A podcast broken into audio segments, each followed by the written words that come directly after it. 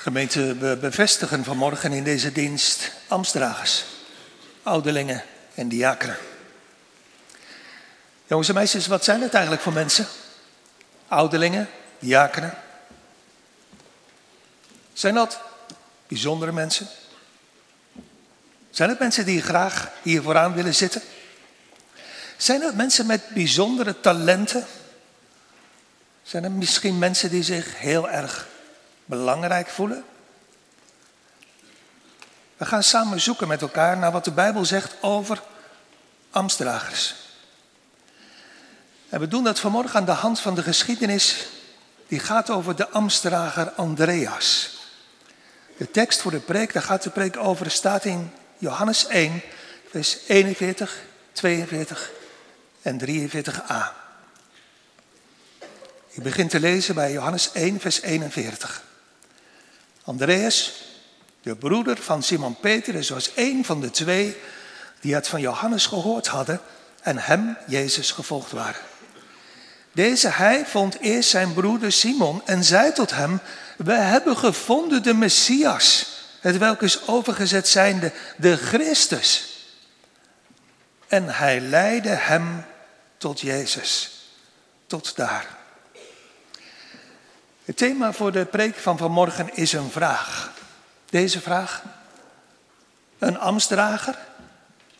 Wat is dat eigenlijk voor iemand? Nou, dat is iemand, en dan komen er drie antwoorden. Dat is iemand die als eerste met Jezus geweest is. Dat is iemand die in de tweede plaats van Jezus getuigt.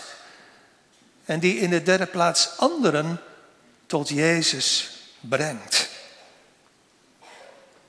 Aan iedereen vanmorgen die geen ambtsdrager is, wil ik vragen om dat, wat ik nu zo meteen ga zeggen, op zichzelf toe te passen. Want eerlijk gezegd, het meeste wat ik ga zeggen geldt ook voor het ambt van alle gelovigen. Geldt ook voor ieder christenmens. Ons eerste punt, een ambtsdrager is als het goed is een man die met Jezus geweest is. Johannes de Doper is druk. Eergisteren Jongens en meisjes, waren er heel veel mensen die door hem gedoopt wilden worden. Eergisteren kwam er ook kritisch bezoek van die fariseeën die hem vroegen. Zeg, wie bent u eigenlijk dat u hier doopt? En als u Elia, als u de profeet, als u de Christus niet bent, waarom doopt u dan hier? Maar Johannes de Doper had eerlijk gezegd, ik ben maar een, de stem ik ben maar een stem, de stem van de roepende in de woestijn. Bereid de weg, maakt hij klaar voor hem, de Messias, die na mij komt. Dat was eergisteren. Een dag later, gisteren dus, had hij hem aangewezen. Hem van wie hij zegt, die hij zelf tevoren ook niet kende, maar de Heer had hem zelf aangewezen aan Johannes de Doper toen de Heilige Geest als een duif op de Heer Jezus neerdaalde. En toen had Johannes de Doper hem ook aangewezen. En ik wees hem vorige week ook aan u, lieve mensen, aan. Toen gezegd werd, zie, het lam van God, dat de zonde van de wereld wegneemt. Dat was gisteren. En nu vandaag is het wat rustiger. Nu staat hij daar in diezelfde buurt bij de Jordaan met twee van zijn discipelen, Andreas en Johannes. En, zo staat in vers 36, ziende Jezus daar wandelen, daar lopen, zei hij tegen zijn twee discipelen, zie het lam Gods. Zeg u die vorige week niet wilde kijken naar het lam u die te trots was om te kijken naar het enige lam van God dat de zonde van de wereld wegneemt. Wat een geduld van de Heer vindt u niet. Hier is weer diezelfde stem. Hier is weer diezelfde boodschap. Kijk toch, alsjeblieft. Je wilt niet kijken, want je wilt in je hart niet buigen tot dat niveau van de wereld maar alsjeblieft, kijk toch. Zie het lam Gods dat de zonde van de wereld wegdraagt. Geliefde gemeente, het zaad dat we zaaien, en het geldt ons allen als broeders, is gering. Onze boodschap is veracht. Maar dat deert ons niet. Wij preken niet anders dan zie het lam Gods, Jezus Christus, en die gekruisigd. En zij, Johannes en Andreas, horen hun meester, Johannes de Doper, dat zeggen. En, en zij volgen die wijzende vinger. Zie. En, vers 37, zij volgden Jezus. Ze gaan naar hem toe, ze lopen achter hem aan en ze gaan met hem mee. Het zaad dat Johannes zaaide en het zaad dat wij zaaien is gering. Maar de zegen is groot. Deze eenvoudige preek van Johannes, dit enkele woord, wordt gezegend. Veel mensen dachten, en veel mensen denken helaas nog steeds, dit, ja dit klinkt wel mooi, maar dit is een harde boodschap. Want buigen tot het niveau van de wereld, dat wil ik niet. En alle hoop op mezelf opgeven, dat wil ik ook niet. U moet ons andere dingen vertellen. Prijs onze netheid, onze oprechtheid, onze liefde, onze keus, ons geloof, onze goede werken. Nee, nee. Wij prijzen Christus, de zaligmaker van zondaars, die vijanden met God verzoend. Dat zijn de ramshoornen waarop de muren van Jericho gaan vallen. En de Heere geven ons geliefde gemeente dat ook onze muren in Capella daardoor gaan vallen. Zie het lam Gods. Zulke woorden hoe eenvoudig ze ook zijn. En wat een troost, broeders, is dat in onze ambtelijke dienst zullen nooit ledig wederkeren tot God. Zie het lam Gods dat de zonde van de wereld wegneemt.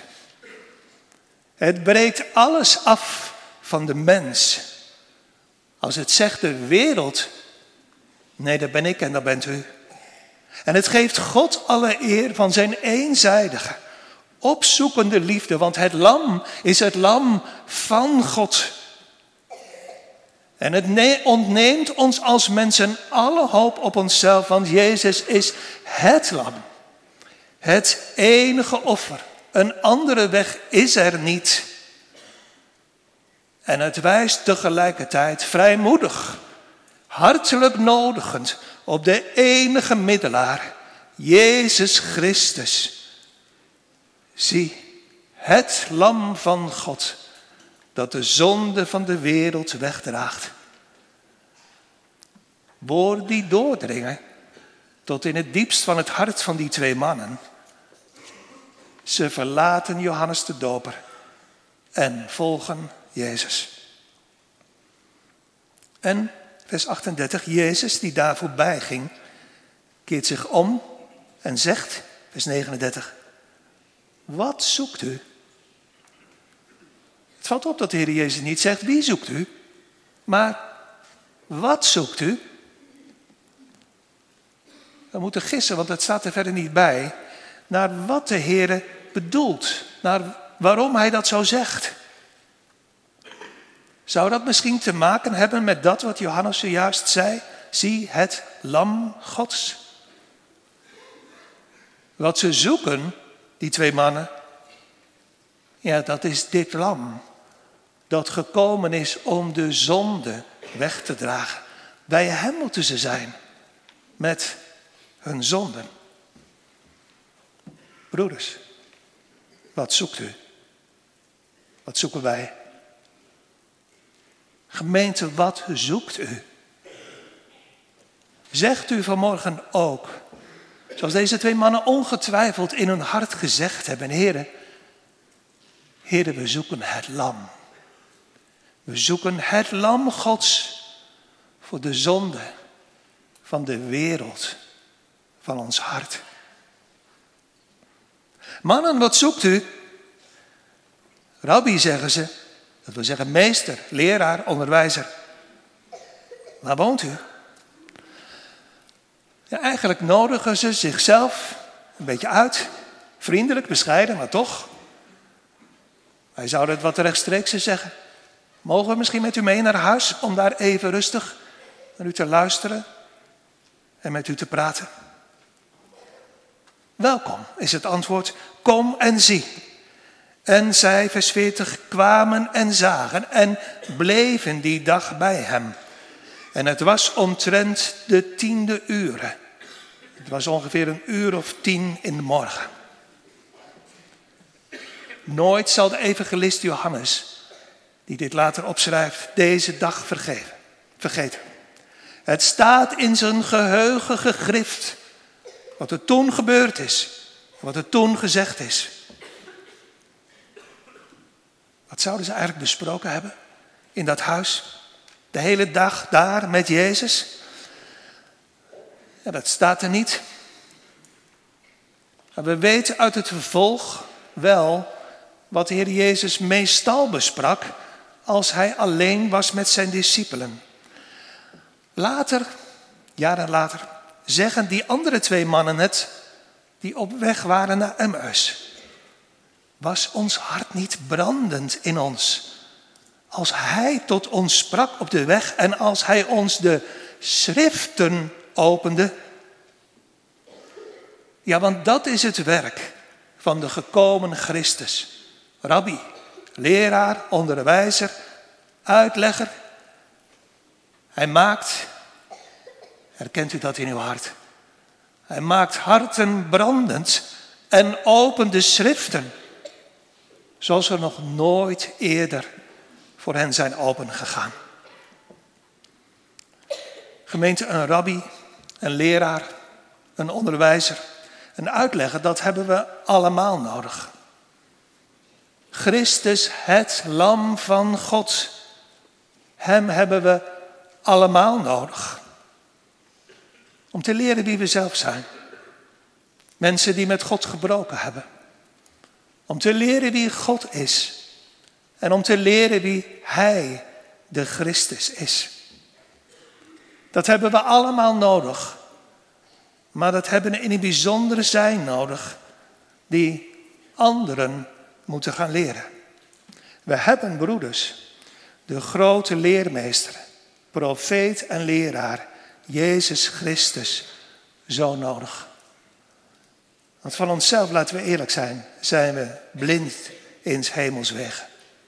We hebben nodig iedere dag weer dat Hij ons leert en ons leidt. Zoals Jezaja zegt, als blinden letterlijk, die de weg niet geweten hebben.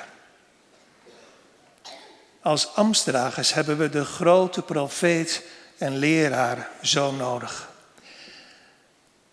En dus is voor ons niet het eerste en het beste plekje hier op de kansel, daar in het bankje, of hier achter in de consistorie. Maar onze beste plaats is zittend aan de voeten van Jezus. Luisterend.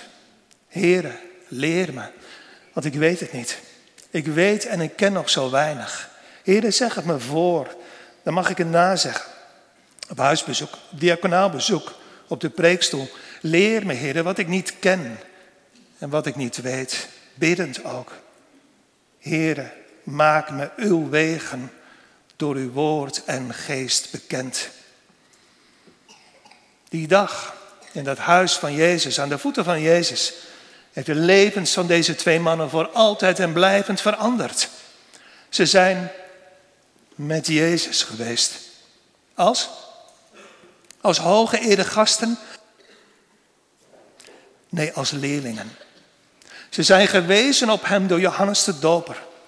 Ze zijn door God gebracht tot hem. En hebben aan zijn voeten gezeten. Aan de voeten van hem in wie ze voor eens en altijd vanaf nu de bron gevonden hebben van letterlijk alles, alles wat ze nodig hebben. Voor een eigen hart maar ook voor een ambtelijke dienst straks. Broeders, als ambtsdragers is het nodig Dat we weten dat we met Jezus geweest zijn. Dat ligt gemakkelijk in de mond, maar dat betekent heel erg veel. Dat betekent dat je voor je eigen hart en voor je eigen leven, voor je eigen hemelhoge schuld, het lam van God nodig gekregen hebt. Dat betekent dat je jezelf enige mate hebt leren kennen en ook iets geleerd hebt van je onwil en van je onmacht, van je onvermogen en je gebrek om God en de gemeente te dienen. Met Jezus geweest te zijn, dat betekent dat in je hart iets van je hoogmoed, van je eigen vijandschap gebroken is. Waardoor je weet en durft te beleiden, ook vandaag. En vanaf nu voor altijd, ik kan het niet. Ik ben ongeschikt, ik ben onbekwaam.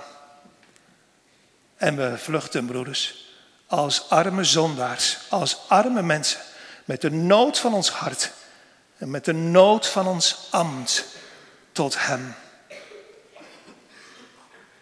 En terwijl ik dat zeg, realiseer ik me, en u misschien ook, ongetwijfeld, dat ik zelfs dat niet wil. Ik moet altijd weer door mijn meester gevonden worden. Ik moet altijd weer door mijn meester bij hem gebracht worden. Want ik denk wel dat ik het allemaal zelf weet en dat ik het allemaal zelf kan, maar ik weet het niet. Ik kan het niet. En dus hebben we allemaal met elkaar en met u steeds weer nodig dat de Heer een streep zet door onze rekening. En ons met lege bedelaarshanden brengt aan zijn voeten. Maar als we daar dan komen, en als we daar dan geweest zijn aan de voeten van Jezus, dan vult dat ons hart ook met zoveel blijdschap en verwondering en gunning. Ja, dan schrijf je nooit meer één mens af. Dan zeg je nooit meer tegen iemand: ga jij maar weg, je bent te slecht. Want dan weet je in je eigen hart met wie je geweest bent. Met hem die gekomen is om te zoeken en zalig te maken dat verloren was. En dus zeg je tegen iedereen wie het ook is, wat we zongen, kom ga met ons en doe als wij. Kom en zie. Aan de voeten van Christus geweest te zijn, dat maakt gunnend en hartelijk. En tegelijkertijd ook door Gods genade klein en ootmoedig. Dan krijg je iets in je hart door Gods genade van de gestalte, zoals Paulus zegt in de Filippenzenbrief, van de gestalte die was in je meester, in Christus Jezus, die zichzelf vernederd heeft. En die zo diep heeft gebogen, zelfs tot de dood van het kruis toe. Met Jezus geweest zijn door Gods genade. Geeft een diep en blijvend besef in je hart. Ik ken we weten nog maar zo weinig. En dus geeft dat het blijvende gebed op onze lippen. In het openbaar, maar vooral in het verborgen. Heer, maak in uw woord. Wilt u dat doen? Maak in uw woord mijn gang en treden vast. Broeders, dat geeft ons als ambtsdragers letterlijk een thuis. Mijn thuis is niet de preekstoel, hoewel ik hier heel graag sta. Dat bankje is niet uw thuis. De consistorie is niet ons thuis.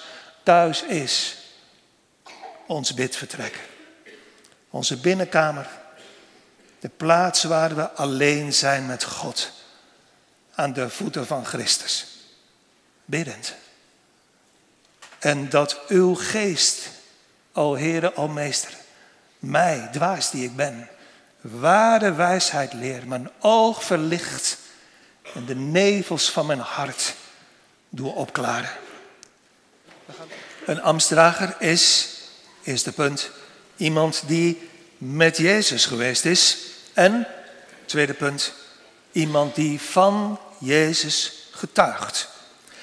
Want ik lees nog een keer, vers 41 en 42. Andreas, de broeder van Simon Petrus, was een van de twee die het van Johannes de Doper gehoord hadden. En hem Jezus gevolgd waren.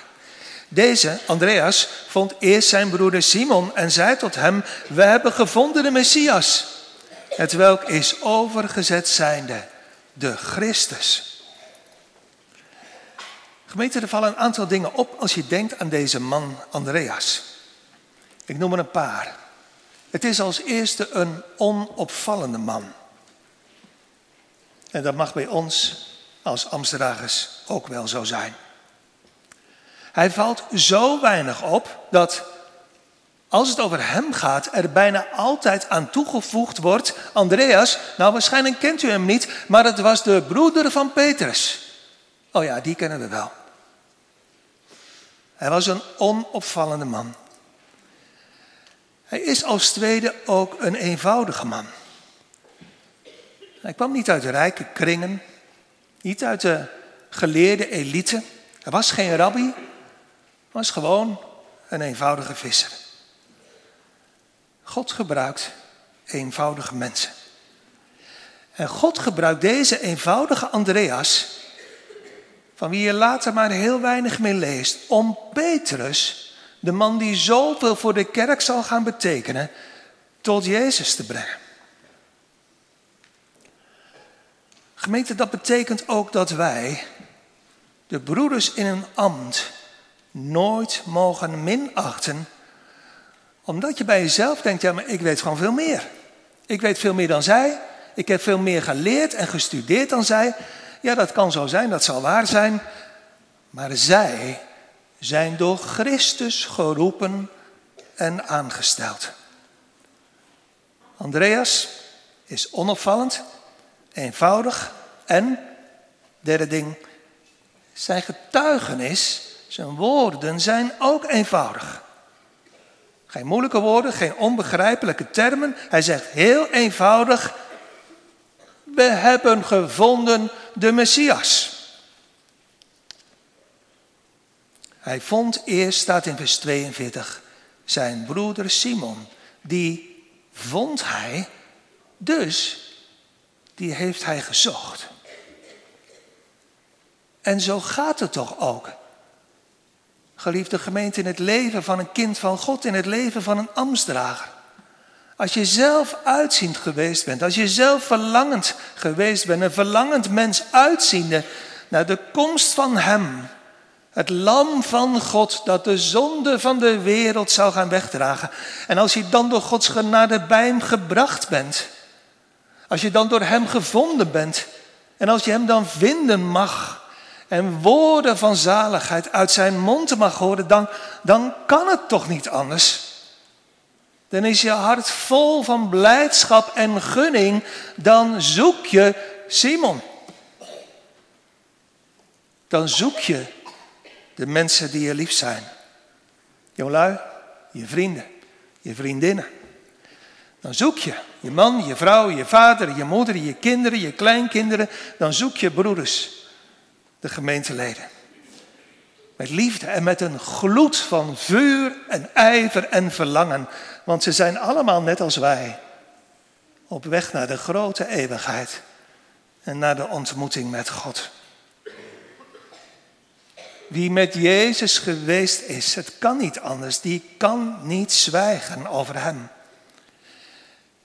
Denk maar aan wat er later in Handelingen 4 staat. Het is de tijd na Pinksteren. En dan in Handelingen 4, vers 13 lees je dit. Zij nu, dat waren de tegenstanders, de vijanden van de apostelen, ziende de vrijmoedigheid van Petrus en Johannes en vernemen dat ze ongeleerde en eenvoudige mensen waren, verwonderden zich en kenden hen. Ineens herkennen ze ze. Ze zien het aan hun woorden, aan hun gedrag, dat ze met Jezus geweest waren. Ja, want dat kan niet anders. Dat merk je. Als je met Hem geweest bent. Want dan gaat je hart toch branden van liefde en verlangen. Paulus zegt, dan gaat de liefde van Christus je dringen. Dan zeg je, kom, ga met ons mee en doe als wij. Dan zoek je die ander. Dan zeg je, kom en zie. We hebben de parel van grote waarde gevonden. Komt u toch ook? En kom jij toch ook? Want wij hebben gevonden de Messias. Hij zegt niet ik, ik heb hem gevonden. Hij zegt heel bescheiden, wij. Ik vraag als ambtsdrager, wij vragen als broeders geen aandacht voor onszelf, want we hebben u van onszelf helemaal niets te bieden. Ik ben niet anders dan wie dan ook van u, ik ben niet meer dan u, ik heb ook niet iets van mezelf en mijn levensverhaal en mijn bekering. U hebt er allemaal niets aan.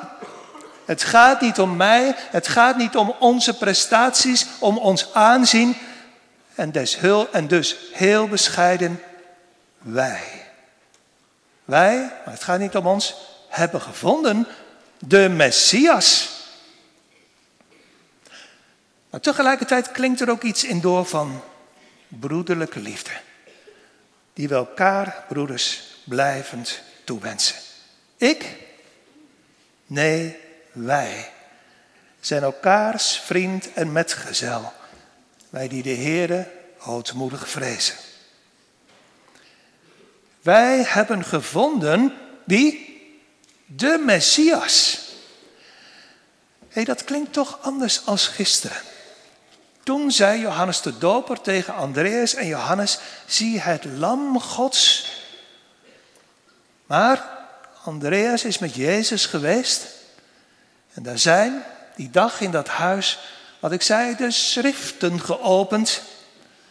En toen heeft hij kennelijk gezien en geloofd aan de voeten van Jezus. Dit lam van God, dat Johannes de Doper aan me aanwees, is de beloofde Messias. Een groot geloof.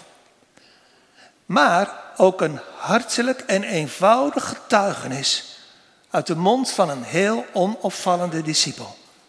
Tegen Simon. Simon, jongen, dit is de beloofde Messias. Dit is de Christus. Jongen, kom. Kom. Want ik kan je het niet leren. Maar ik zal je wel de weg wijzen. Kom, ik ga met je mee. We moeten bij Hem zijn. Gemeente, er zijn veel, er zijn heel veel wegwijzers van allerlei soort, die alle kanten opwijzen, ook in de kerk. Maar wie ooit bij Jezus geweest is, wijst met liefde en met vuur en verlangen en met hartelijkheid één kant op. En die zegt, kom, ga met ons mee. Is deze niet de Christus?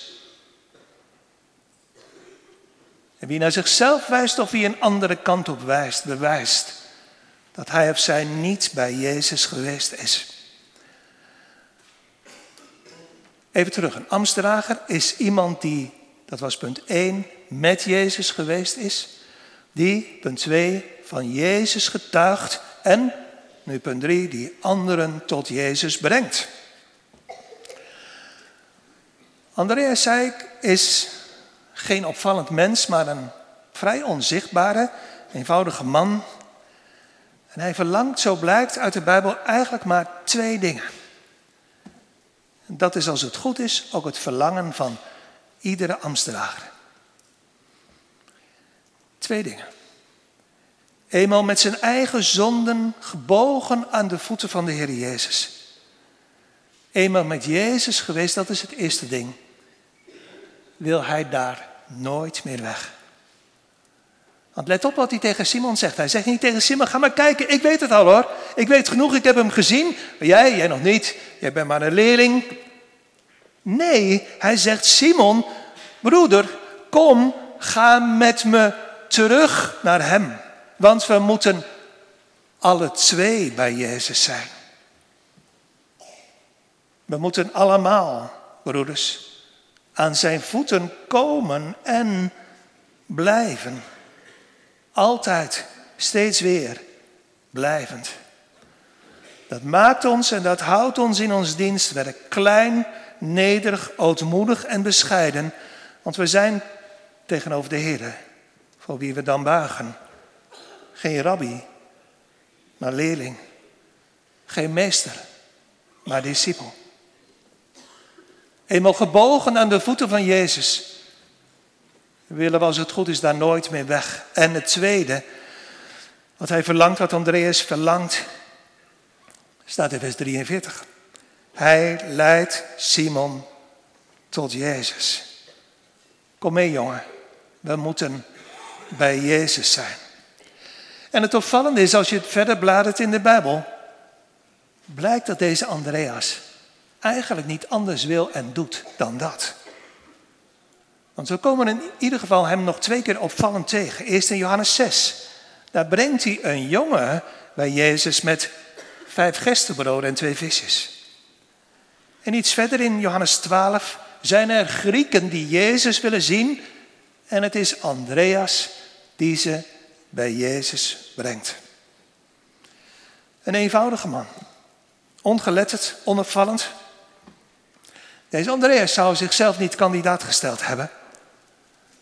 Maar uit heel zijn leven, uit alles wat hij zegt, proef je het verlangen van zijn hart.